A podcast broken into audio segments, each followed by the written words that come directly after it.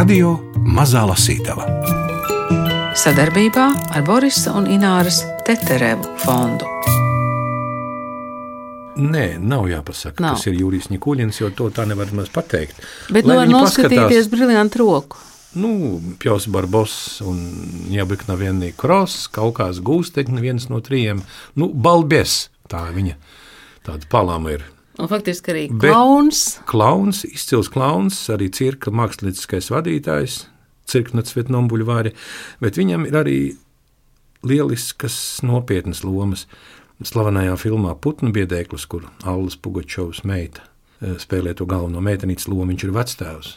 Tad viņam ir 30 dienas bez kara, laikam bija tā filma, un viņi cīnījās par dzimteni.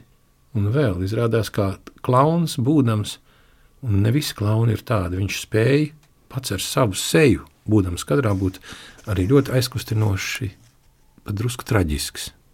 Un traģikomisks, kas ir tas smalkākais balanss, kas var būt. Klauns kā traģisks aktieris. Augstāku līmeni, augstāku līmeni grūti iedomāties. Man ir kurins ir bērnības atmiņas. Man liekas, tas bija stipri agrā vecumā, kad es pirmo reizi redzēju šuriku. Es lieliski atceros tos milzus smieklus, skatoties, un es noripoju, noripoju no krēsla, jo tā bija tik šausmīgi smieklīga tā vieta, kur viņu špricēja. Un tad Ļoti bija tā, aktuāli, vai ne? Jā, jā, jā, jā, jā, jā. jā. Un tad vai nu tas bija tas pats šuriks vai otrs šuriks, tur, kur viņi guļamaisā ripoja no kalna lejā. Nu, Tātad kaut kāds gūsteknis. kaut kāds gūstekni droši vien, jā. Tūkotāja Māra Paļakova, aktieris Gunārs Aboliņš un žurnāliste Ingvilda Strautmane mēs salīdzinām savas atmiņas par Jurija Kuļina kino lomām, lai sāktu lasīt Ievas Pažārskas grāmatu Jurijs Nikuļins. Es nezinu, sakot, roku. Es zinu, ka es viņu esmu redzējis, bet man nav palicis atmiņā. Un to, ka viņš ir filmējies pie Tarkovas Krubļovā, to es tikai šeit izlasīju. To es vispār biju palaidusi garām. Jā, to es arī tikai šeit izlasīju. Ievas Pažārskas grāmata par Juriju Kuļinu, kā tā nonāca līdz jums, lai jūs to tulkot no krievu valodas? To man piedāvāja izdevniecība. Un tur man bija divi apsvērumi, kāpēc es piekrītu. Viens apsvērums bija lūk šīs bērnības atmiņas, kurās gribējās vēl drusciņi padzīvoties, atgriezties, padzīvoties, mēģināt izjust to prieku, kas bija toreiz skatoties šīs filmas. Ko starp citu, nu, to, ko ar šo grāmatu neatguvu, godīgi sakot, jo autoriem uzsvars bija uz ko citu. Viņa vairāk par cirku rakstīja. No otras puses, es toties ļoti daudz uzzināju par cirku. Dabūju kārtīgi izrakņāties pa periodiku, mēģinot saprast, kā tās lietas latviešu sauc un ko ar to visu iesākt. Nu, un otrs apsvērums bija caur caurēm racionāls. Es ar šo izdevniecību nekad nebiju strādājusi. Viņu pirmo piedāvājumu dokot grāmatu es biju noraidījusi, jo man nepatika grāmata, un tad likās, ka jā, es gribu turpināt ar viņiem strādāt. Un varbūt dabūt kādreiz gatavu kaut ko no tā, ko man pašai gribas dabūt gatavu. Nu, tad šī ir tā reize, kad man ir jāpiekrīt. Tā ir izdevniecība Helios, un, un autore ir Ieva Pažārska, žurnāliste, ā, viņa te raksta, ka ir dzimusi Rīgā, un arī pirmos 18 gadus ir pavadījusi Rīgā. Fragmentus no Ievas Pažārskas grāmatas Jurīš Nikuļins lasa Gundars Aboliņš.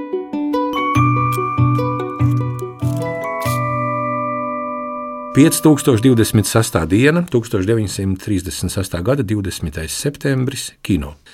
Maskavā sāk rādīt Čārlīda Čaplina filmu Jaunie laiki. Kādā rudens brīvdienā, kaut arī laiks bija lietains, Nikuļinu ģimene devās to noskatīties uz Gorkija vārdā nosauktā Centrālā kultūras un atpūtas parka zaļo teātri. Brīvdabas kinozālē bija milzīgs ekrāns, un filmas vienlaikus varēja skatīties kaut 30 tūkstoši cilvēku. Čārlis Čaplins izsenis bija Nikuļina iemīļots komēdiju aktieris, taču 1936. gadā Jūra, 15 gadus vecs jaunietis par ģeniālo komiķi, bija tikai dzirdējis un lasījis, bet kino vēl nereizi nebija redzējis, jo Čaplina pēdējā filma Lielpilsētas ugunis uz ekrāniem parādījās 1931. gadā, taču PSRS netika rādīta. Arī senākas viņa filmas pie mums nekur nevarēja noskatīties. Tā nu gājiena uz jaunajiem laikiem Jūra gaidīja tā, kā var gaidīt pirmo tikšanos ar meiteni. To vakar, ko līdz uz baltā ekrāna parādījās mazais cilvēciņš ar melnajām mūsiņām, jūra aizmirsa visu uz pasaules.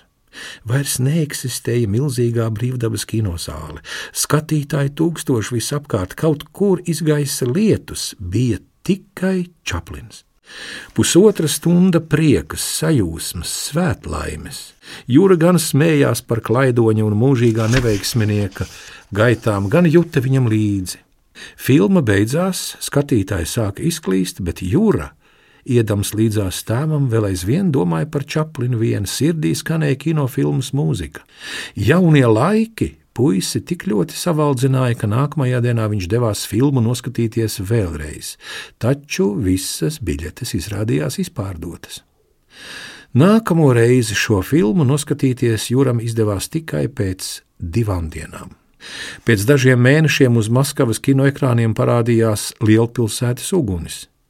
Bez darba palikušā klaidoņa Čārlija klejojuma lielpilsētā Cilvēks nekur nav tik vientuļš kā lielā pilsētā. Viņa mīlestība uz aklo nabaga meiteni puķu pārdevēju, uzstāšanās bokseringā. Boksa aina filmā bija iestudēta groteskas stilā, komiski, taču jūram skatoties uz piekauto, pazemoto un uz ielas izmesto Čārliju kopā ar smiekliem, rīklē bija kamols. Jā, apbrīnojamu virtuozi veiktu triku filmā bija daudz, taču tie neaizēnoja domu par labsirdību un cildenumu. Mazā cilvēka ciešanas patiesi saviņoja. No Nikuļina atmiņām es vairāk nekā 20 reizes noskatījos lielpilsētas uguns. Un ik reizi, kad mazais trūcīgais cilvēks puķu pārdevējai teica, vai tagad jūs redzat, es notrausu asaras. Zālē iedegās gaisma, bet es vēl labu brīdi sēdēju, redzētā nomākts, satriekts, Pēc tam lēni devos mājup, viskaistāko, vislabāko jūtu pārņemts. Gāju pa Maskavas ielām skumdams, priecādamies, vēlēdamies kļūt labāks. Analizējot katru filmas epizodi, es nespēju vien nobrīnīties par to, cik pārdomāts un noslīpēts ir katrs aktieru žests un skatiens. Čārlīda Čaplina filmas noteikti ir palīdzējušas manos radošajos meklējumos, cirkā un kino. Tās man kļuva par smieklīguma etalonu.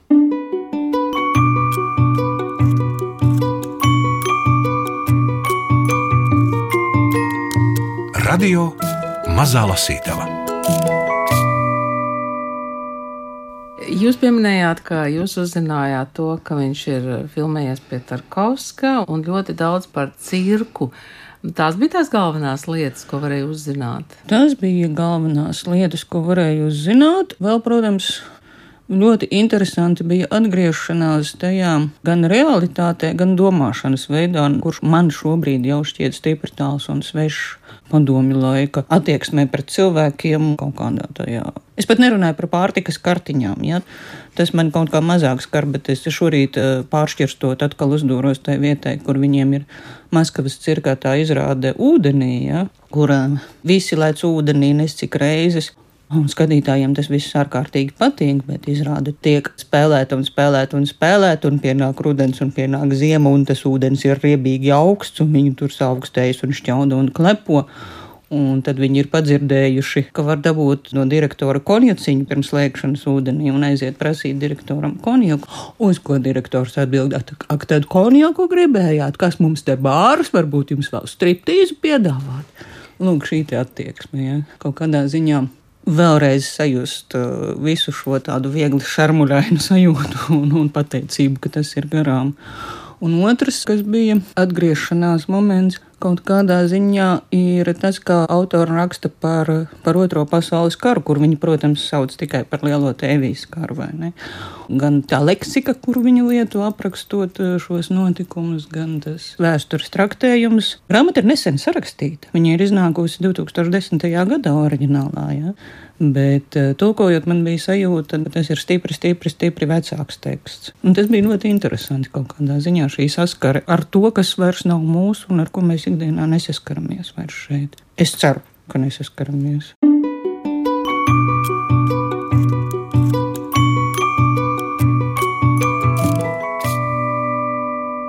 Par karu. 1944. gada 13. oktobrī padomju karaspēks ieņēma Rīgu. Šīs operācijas kaujās Baltijas republikās padomju armija cieta lielus zaudējumus, bija daudz kritušo, daudz sabojātas tehnikas. Sākās armijas daļu pārformēšana.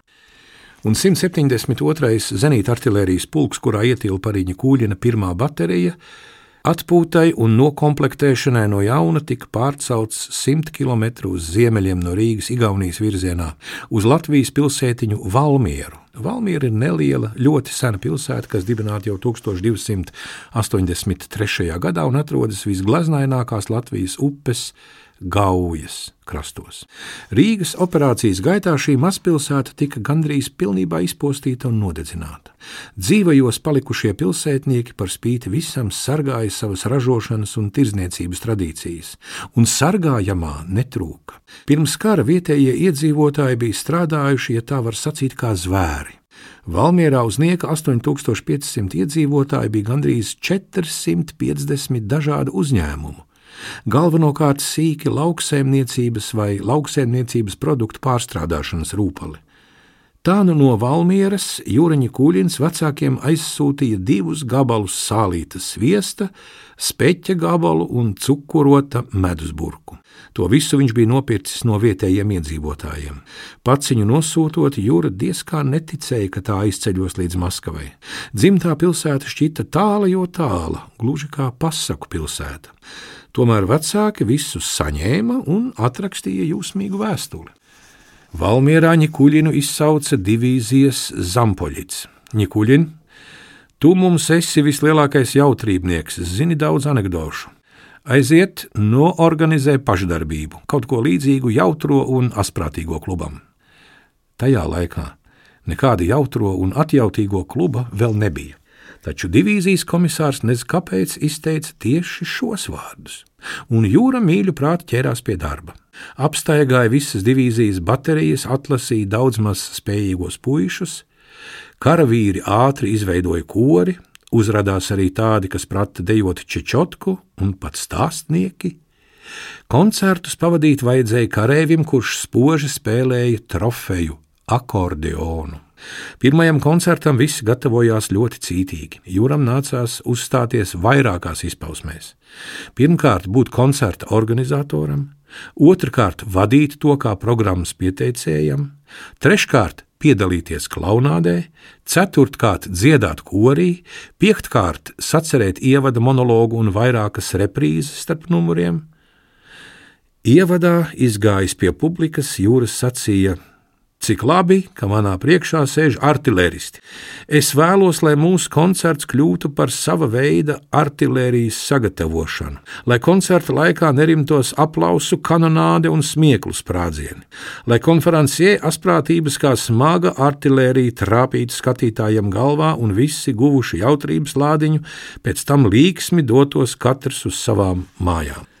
Ar klaunādi radās daudz sarežģījumu. Jūras saprata, ka galvenais ir atrast labu partneri. Viņam prātā uzreiz ienāca Jefims Leibovičs kurš frontē bija viņa vislabākais draugs. Jefimu visi pazina kā mierīgu, līdzsvarotu, apdomīgu un erudītu cilvēku. Līdz kara sākumam viņš bija strādājis avīzē, par jūru bija divus gadus vecāks, viņam patika ekspromti un joki. Jūra nosprieda, ka abi kopā būs diezgan uzjautrinošs duets. Vienā no pilsētas sabombardētajām frizētavām puiši atrada rudu bīzi, no tās tika izgatavota parūka. Ar ogli un lūpu pomādi, to iedeva telefonistes, Jūra, kā nu mācādams, uzklāja uz sejas grimu. No papiemašē uztaisīja sev klauna degunu. Virs jūrnieka krekla, kur bija aizņēmies no kāda karavīra, uzvilka atžgārni izgrieztu ziemas bezroci.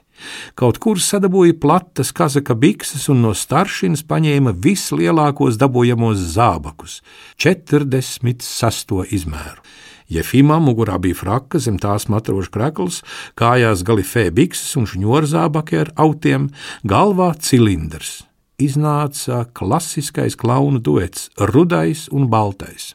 Reprīzēs Jūra izmantoja no mājiniekiem iegūtās ziņas. Tēvs tolaik rakstīja feļetonus par aktuāliem notikumiem, par Hitleru un par daudzām politiskām norisēm. Visu savu repertuāru viņš vienmēr sūtīja dēlam. Presē tajā laikā daudz tika runāts par kādu zinātnisku atklājumu, kas bija saistīts ar ātoma kodola sašķelšanu. Nikuļins un Leibovičs par to sagudroja reprīzi. Jūra iznāca uz skatuves savā trakajā tērpā, turēdams rokās milzīgu āmuru. Viņš apstājās, pacēla no grīdas kaut ko neredzamu un uzlicis šo kaut ko uz galda, cirta pa to ar āmuru. Galds sasprāga gabalos. Partneris atskrējis taujāja, ko tu te dari? Jūra nopietni atbildēja: šķeļu atomu. Tajā brīdī skatītāju zāles sasprāga smieklos. Viņiem bija arī vēl cita reprīze. Jefims jautāja, kāpēc mūsu valsts ir visbagātākā un vissaldākā? Nikuļins atbildēja: Nezinu. Visbagātākā mūsu valsts ir tāpēc, ka mums ir tikai viens dzēnieks, Ģimjans Bednīs, un vissaldākā, tāpēc, ka tajā ir tikai viens Maksims Gorkijs. Pēc tam Nikuļins jautāja Lebovičam, bet kāpēc mūsu valsts ir visgudrākā? Nezinu, tas atbildēja, un jūra triumfējoši paziņoja: Mūsu valsts ir visgudrākā, tāpēc, ka tajā ir tikai viens muļķis, un tas esi tu.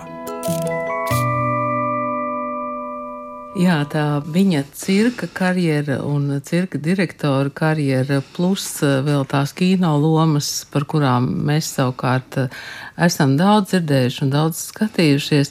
Klaunādes eh, vispār, man lasot, bija tāda sajūta, ka tādu traģikomisko klaunu, kāds ir bijis Jurijs Nīkuļins, gandrīz vai nav, ja bija ļoti reti. Klasiskā cirkā es pēdējo reizi biju kā bērns bērnībā vēl Rīgas cirkā. Kopš tā laika esmu skatījusies tikai tā saucamā laikmetīgā cirka izrādes. Man liekas, mans bērns vispār ir redzējis tikai to klaunu, kas te braukā riteni par Rīgu un mēģina pārdot tā, eh, baloniņus. Ir, ja? ir tāds, nu, kurš pārdod tos garos balonus, kurus var sagriezt desā. Mm -hmm. Un es nedomāju, ka mans bērns zina, ka ir vēl arī kaut kādi citi klauni. Es nezinu, vai tas ir labi vai slikti šajā gadījumā. Bet, uh, laimīgā kārtā uh, Latvijas laika avīzēs bija, bija diezgan daudz par, par cirku. Man ir tāds sajūta, ka pēc šīs grāmatas, jebkurā gadījumā, varētu būt vēlme noskatīties vismaz kādu no Juriņa Kuļina filmām, vai ne? Man gribējās vēlreiz noskatīties briljantu roku patiesībā, jo Es atceros to sajūtu, ka es ar vecākiem sēžu mūsu lielajā istabā pie televizora un viņu rādu, un es par to priecājos, bet no pašas filmas man, man atmiņā nav palicis nekas. Mm. Tad ir briljantu roka, es labprāt noskatītos. Tad laiks briljantu rokai, ja? Aiziet.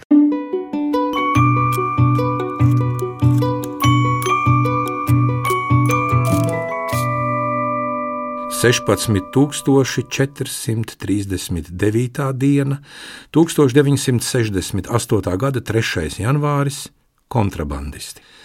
1968. gada 3. janvārī PSRS valsts kinematogrāfijas komitejas galvenā pārvalde akceptēja ražošanas uzsākšanu scenārijam ar darba nosaukumu Kontrabandisti. Februārī sākās aktieru proves. Kā Mosfilm tika apspriesti un apstiprināti tie, kurus gaidājis vēlējās iesaistīt filmā, tās bija šausmas. Mironovs neizskatās pēc simtprocentīga trāpījuma, viņš joprojām ākstās. Svetličnaja ir seksuāla un pārāk kārdinoša. Visvājākā ir namu pārvaldniece Morģukova. Viņas ir ļoti daudz, viņa ir monotona un nav smieklīga. Gaidais izcīnīja visus. Kas no tā iznāca, mēs paši redzam, kad televīzijā simt tūkstošo reizi rāda kinokomēdiju Briljantu roka. No Nikuļina atmiņām. Man patika klauna Sergeja Ljubīmova neparastā parādīšanās manēžā. Līdz ko tiek paziņots kārtējais programmas numurs, partera otrajā rindā, kāds pēkšņi sāk skaļi aplaudēt. Tas bija Ljubīmovs. Publika smējās. Bušē atkal sāka pieteikt numuru, un Ļubimovs atkal aplaudēja. Bušē piegāja pie viņa un lūdza netraucēt, piedraudādams, ka izraidīs no zāles. Vai sapratāt, ko es jums pateicu? Bušē jautāja. Ļubīmovs par atbildi cēlās kājās un rādīdams uz ausīm un muti ar žestiem skaidroja, ka nedzird un nespēja runāt. Jūs esat kurlmēms vai noprasībušē? Jā, atbrēca Ļubīmovs. Pēc daudziem gadiem filmējoties kinolentē Briljantu roka, epizodē, kurā izbiedēto Gorbunu kobu šķērsielā sastopas cilvēks, kurš iedvež bailes, man attausa atmiņā šis Ļubimova dialogs ar Bušē. Veco aizmirsto klaunu reprīzi es pārnesu uz ekrāna, un tā atkal spridzināja. Uz filmēšanu Adlerā Jurijs Nikuļins, kuram cirkā bija piešķirts pusgadu ilgs atvaļinājums, ieradās kopā ar ģimeni. Bija vasara, dēlam brīvlaiks, Tatjana un Maksims brauca galvenokārt atpūsties, tomēr arī filmējās epizodēs. Tatjanai tika maza lomiņa, turistu grupas vadītāja Stambulā, kur bija ieradies Gorbunkovs. Savukārt Maksimam bija jātālo zēns ar spainīti un makšķeri, kuru Mironovs sastopa uz saliņas jūras vidū. Sākumā doma, ka vajadzēs filmēties kino, Maksimam ļoti patika. Epizodē ar zēnu zem ūdens tika nolikti dēļi, Bērnam ap galvu piestiprināja no kartona izgrieztu nimbu, kas bija aplīmēts ar sasmalcinātiem eglīšu rotājumiem, lai zaigotu. Viss ritēja labi, taču, kad sākās bezgalīgie mēģinājumi un vēl arī dubli, kuros Maksims dabūja spērienu no Andreja Mironova, zēnam filmēšanās vairs nesagādāja prieku. Tomēr epizode vajadzēja nospēlēt līdz galam. Nevēlēdamies dabūt spērienu, Maksims iemanījās nokrist pirms Mironovs atvēzējās ar kāju. Kadrā bija redzams bērns gaida spērienu un aina izskatās nedabiski. Kad septiņi dubli bija sabojāti, gaidājs izgudroja viltīgu gājienu. Ruporā paziņoja, ka notiks mēģinājums, lai operators izveidotu kadru. Mironovs vienkārši paskries garām zēnam, kurš noliecies pār ūdeni. Mironovam režisors pačukstēja spērt tāpat kā agrāk un labi stipri. Maksims nekādu viltu negaidīdams stāvēja, plunčāja rokas ūdenī un pēkšņi dabūja kārtīgu spērienu un kliegdams iekrita ūdenī. Puika uz pieaugušajiem briesmīgi apvainojās, tomēr epizode bija nofilmēta. Grāmatu par Juriņu Kuļinu izdevis Helios, no krievu valodas Ievas Pažārskas tekstu tulkojas Māra Poļakova. Viņai arī jautājums par aktuālo darbu tulkošanā. Tulkotājiem grāmata, kur jau ir iznākusi, tā jau ir pagātne. Kas jums ir tagadne? Man tagadne ir Edgars Kerets. Būs vēl viens Edgara Kereta krājums. Kaut kad drīz, es ceru, šī gada pirmajā pusē iznāks Rozes apgādā. Tas ir nu, reizē pazīstamais kerets, kas, cik es zinu, lasītājiem kļuva ļoti mīļš, kad iznāca autobusu šoferis, kurš gribēja būt dievs. Bet reizē tas ir kerets, kurš nu, jau ir desmit gadus vecāks stipri vairāk vilšanos piedzīvojis dzīvē. Patiesībā es vakar pārlasīju visus stāstus, jo man tūlīt ir jānodod tulkojums. Un viņi visi ir skumji. Ir jancīgi, un viņos ir daudz negaidītā un ekscentriskuma, bet, bet patiesībā visos ir skumjas un vientulība. No kuras valodas jūs? Ah, no ivritu.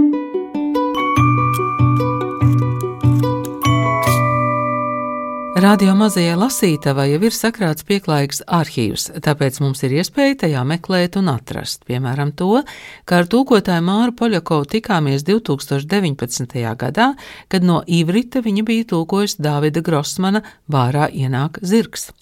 Neliels fragments pirms jūs iegrimstat stāstā par Jurīņu Kuļinu filmā Briljanta roka vai mūsu arhīvā. Un kas tā par izrādi, ko tu gribi, lai es noskatos? Es viņu pārtraucu, kad viņš apklusa, lai ievilktu elpu. Es. viņš ieķiķinājās, kā lai pasakā, nu, es uzstājos ar stand-up. Ah, es atvieglots atsaucos, tas nav man. Tu pārzini stand-up? Viņš īsi nosmēja. Kaut kā nebija domājis, ka tu vispār esi kādu izrādi redzējis.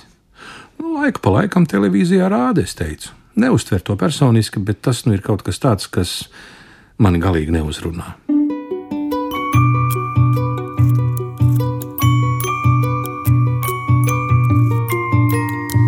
Radio Mazā Lasītava Sadarbībā ar Borisa un Ināras Teterevu fondu.